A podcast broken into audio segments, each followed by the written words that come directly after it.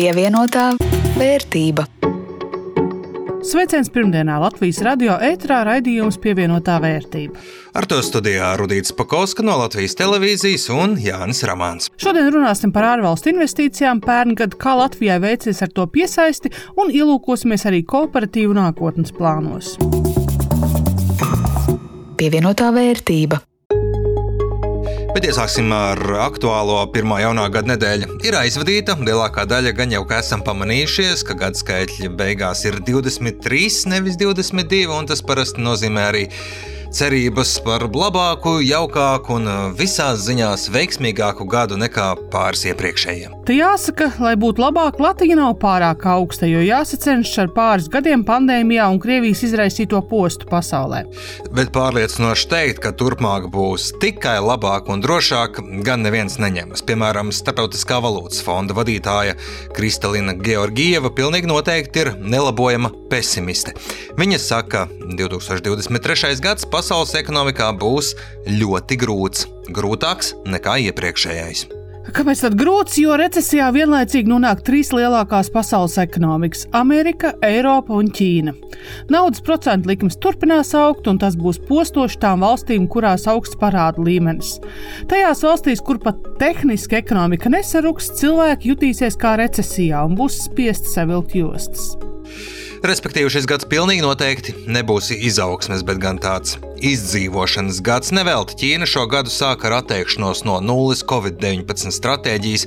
Tā atceļ obligātas karantīnas, mājasēdes, lai gan Covid Ķīnā tāpat nav joprojām savaldīts. Nu, lai gan viens no iemesliem, lai atteiktos no Covid-19 stingrajiem ierobežojumiem, oficiāli ir sabiedrības protesti, mēs visi zinām, ka Ķīnā sabiedrībai nav diezko liela teikšana, un patiesais iemesls ir centieni glābt ekonomiku no smagas recesijas. Bet, ja par ko pozitīvu gāzes cenas Eiropā sarūk, tās šobrīd pirmskara līmenī, iemesli pirmkārt jau siltais laiks pērnā gada nogalē, un tas, ka gāzes krātuves pirms ziemas bažās piepildītas un pārpildītas. Jā, bet raugoties nākotnē, nav pamata pārliekam optimismam, jo pie gāzes cenu krituma lielākoties vainīgs ir netipisks siltais laiks un tas, ka Ķīna Covid ierobežojumu dēļ īsti nepiedalās dabasgāzes tirgū. Šiem abiem faktoriem pamainoties, par laikapstākļiem nevar zināt, bet otrais nu pavisam noteikti mainīsies - sagaidāms dabasgāzes cenu kāpums. Jā, paldies, Rudīt. Nu, Lūkoši vēlreiz noskaņoties uz pozitīvo noti. Procentu likmi paaugstināšana strādā. Inflācijas līmenis Eirozonā ir krities jau otro mēnesi pēc kārtas. Par to liecina Eiropas Savienības statistikas departamenta Eurostat ātrā novērtējuma dati. Un ir eksperti, kuri šos datus skatot, jau optimistiski secina. Inflācijas kritums un ekonomiskā noskaņojuma uzlabošanās decembrī nozīmē to, ka Draudošais stagflācijas briesmos tas ir situācija, kurā ekonomika sarūk, bet cenas tik un tā turpina skriet debesīs, visticamāk paies Eiropai garām. Bet šajos pašos datos redzams, ka augstākais inflācijas rādītājs visu Eirozonas valstu vidū joprojām ir Latvijā. Tad sako Lietuva un pēc tam Igaunija. Kamēr pie mums cenu kāpums 20 pāri procenti, Spānijā tie ir 1,6%. Šonadēļ par Latvijas patēriņa cenu kāpumu gaidām jaunākie dati, un vismaz pēc pašu novērotā veikalos nekas pārlieku labs ar tām cenām nav gaidāms. Un pēc šī viss būs slikti, ieskat aktualitātēs. Es domāju, ka esam pelnījuši varbūt nedaudz labas ziņas. Tā labā ziņa ir tāda, ka pēc eh, šādiem mēnešiem ir arī gaisma tuneļa galā. Un te es dodu vārdu Latvijas Investīciju un attīstības aģentūras vadītājam Kasparam Roškalnam. Februāris, marts, aprīlis, gribētu teikt, bija tādi mēneši, ka likās um, ārvalstu investīciju piesaist ir apstājusies un uh, nekas uh, nebūs iespējams, jo pilnīgi visi lēmumi tika atlikti no mums zināmiem avotiem. Pat vairāk uzņēmumi konsultantiem pasūtīja risku izvērtējumu pārcelties prom no Latvijas. Vienīgais, ko tobrīd varēja darīt, ir skaidrot, skaidrot un skaidrot investoriem, ka Latvija ir droša vieta. Nu, tādā emocionālā vien, līmenī nostrādā arī, arī tas, ka investori redz, kā risinās kara darbība Ukrajinā un cik ļoti rietumi palīdz. Un tas faktiski rada to uzticību, ka pie kaut kādām iespējamām Krievijas darbībām rietumi vēl daudz asāk reaģēs, ja šādi palīdz jau valstī, kas nav NATO dalībvalsts.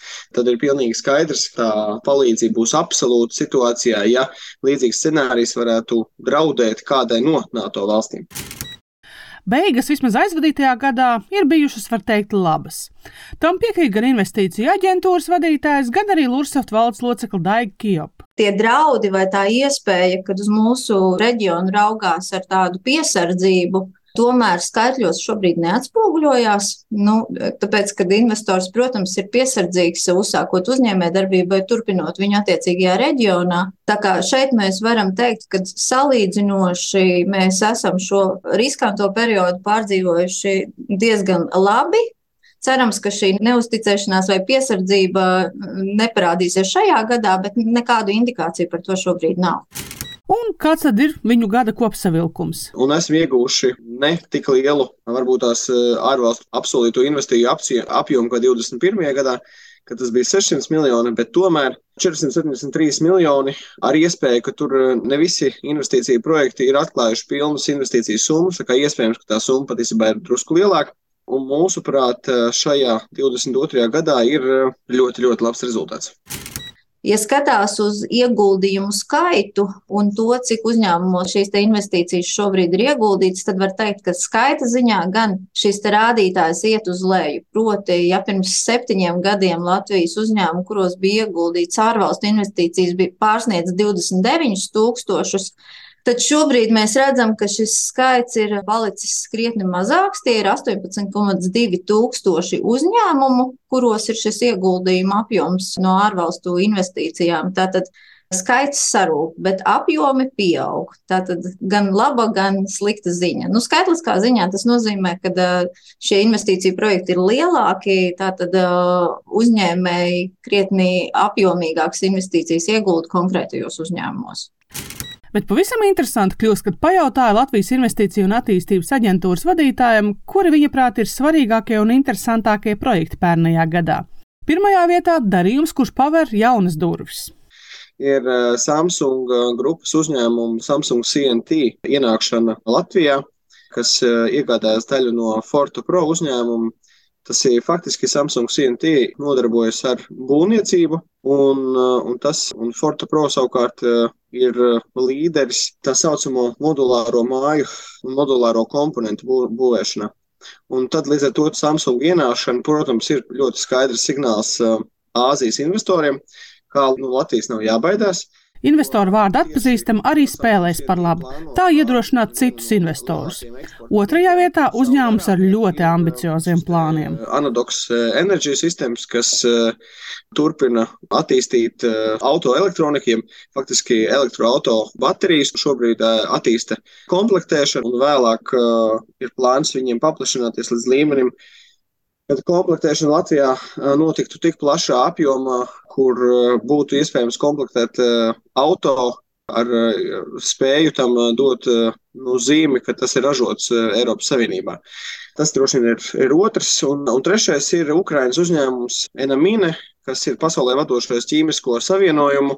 Nu, tāds, datubāzes turētājs un, un faktiski privātā laboratorija, kas nodrošina šos pētījumu pakalpojumus. Un ceturtais IT uzņēmums WebHelp, kurš par 300 cilvēkiem paplašināja savu darbību Latvijā. Savukārt, investīcijas no Krievijas sarukušas. Tur gan, ieskatoties dziļāk datos, atklājas nu, pavisam interesants nianses.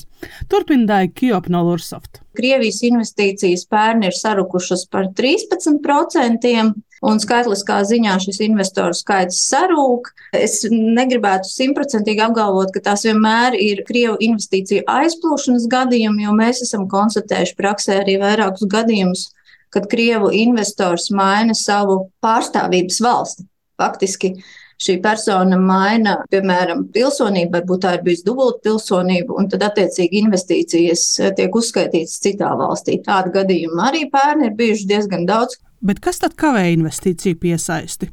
Tur Latvijas Investīcija un attīstības aģentūra sauc klasiskos vaininiekus, piemēram, nu, cik viegli vai grūti būs atrast darbiniekus. Tomēr viens aspekts, ko piemin Kaspars Roškalns, Lija vadītājs, ir ieguldījumi pētniecībā un attīstībā. Un ne tikai valsts ieguldījums zinātnē. Ja valsts investēs pētniecībā un attīstībā, ar to būs par maz. Vajag, lai privātais sektors uzskaita savus eh, faktiski tās investīcijas pētniecībā un attīstībā, lai statistikā tas parādās. Tas ir ļoti liels izaicinājums, jo uzņēmumam katram par sevi nekāda labuma no tā nav. Jo mēs teiktu, ka tad būs nu, mazāk nodokļu, tad viņi uzskaitīs. Bet tad visi mēģinās visu ieskaitīt, un atkal būs, mēs būsim otrā krāvī. Bet tas, eh, ka viņi neuzskaita, rada tādu izpratni, ka mēs eh, nu, neesam rietuma Eiropā. Un tad uh, citas valstis, kuras pārliecina savus uzņēmumus uzskaitīt, tad uh, viņas mūs apdzer. Īsāk runājot, uzņēmumi to dara, bet nepaziņo. Nu, varbūt mazais 2023. gada darbiņš kopējās uzņēmējdarbības vidas vārdā, ja jūsu uzņēmumā ir investīcijas pētniecībā un attīstībā, ierakstiet tās statistikas atskaitēs. Bet vai kopā pat vētrainos laikos izdzīvot ir vieglāk? Atbilde ir jā, ja jautājumu uzdod runājot par kooperatīviem. Atskatoties uz aizdīto gadu, noderēs tieši kooperatīvu spēja stabilizēt cenas. Tā saka Linda Uzkalna, Latvijas lauksaimniecības kooperatīva asociācijas izpildirektore šie kooperatīvi darbojās kā tāds cenu stabilizators priekš piena ražotājiem. Tas nozīmē to, ka tajā brīdī, tā, kad šī cena, piena iepirkuma cena iet uz augšu diezgan dinamiski, tad kooperatīvs veido uzkrājumus grūtākiem laikiem, tad, kad ja tā cena iet diezgan strauji uz leju, tad tajā brīdī kooperatīvs mēģina to cenu maksāt tam lauksaimniekam uzkrājumiem mazliet augstāku. Tādējādi tā mazinot risku priekš paša piena ražotāja, priekš lauksaimnieka, lai viņš var tomēr plānot, nu, lai priekš viņa tā cenu svārstība nav tik liela, kā tas ir kopējā tirgu, un lai viņš var plānot arī savu nākotni, rēķinoties ar kaut kādu plus-mínus vienādu šo cenu. Nu, tas ir viens no tādiem veidiem, kā kooperatīvi var palīdzēt. Tāpat arī tas, ko kooperatīvi šobrīd diezgan aktīvi dara, tieši ja mēs runājam par graudu kooperatīviem, ir kreditēšana, nu, respektīvi palīdz um, saviem biedriem ar dažādu izēvielu nodrošinājumu. Kopumā kooperatīviem šis gads nav bijis slikts. Piena nozarē iepirkuma cena tuvojusies Eiropas vidējai, mežsaimniecībā kooperatīvi auguši, nostiprinājusies arī lauksaimnieku sadarbība tādās jomās, kur līdz šim nu kooperācija diezko nevedās, piemēram, gaļas lielopu audzēšanā. Bet tuvākā nākotnē gaidām vēl vairāk interesanti projekti. Viens no tiem graudu audzētāju kooperatīvu virzītā ziņu proteīna ražotne.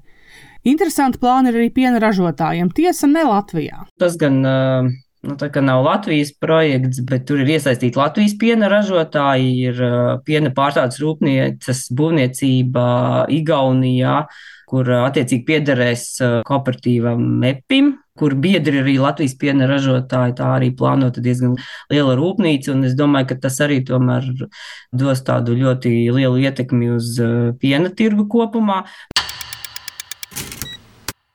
Redz, kādi interesanti plāni piena pārstrādes jomā.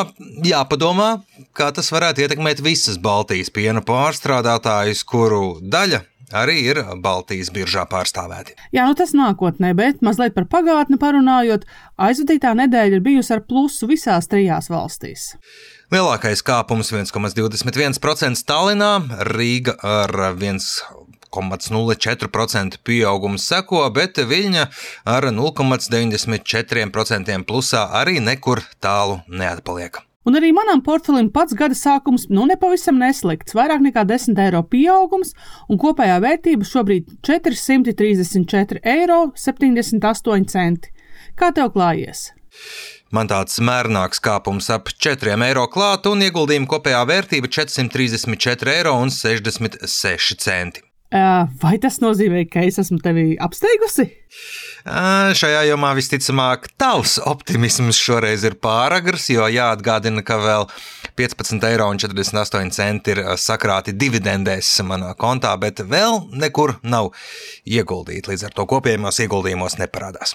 Nu, tā kā manā kontā ir tikai eiro un 74 centi, tad uzvarētāja dzeltenais krekliņš pagaidām lepaliek tev pievienotā vērtība.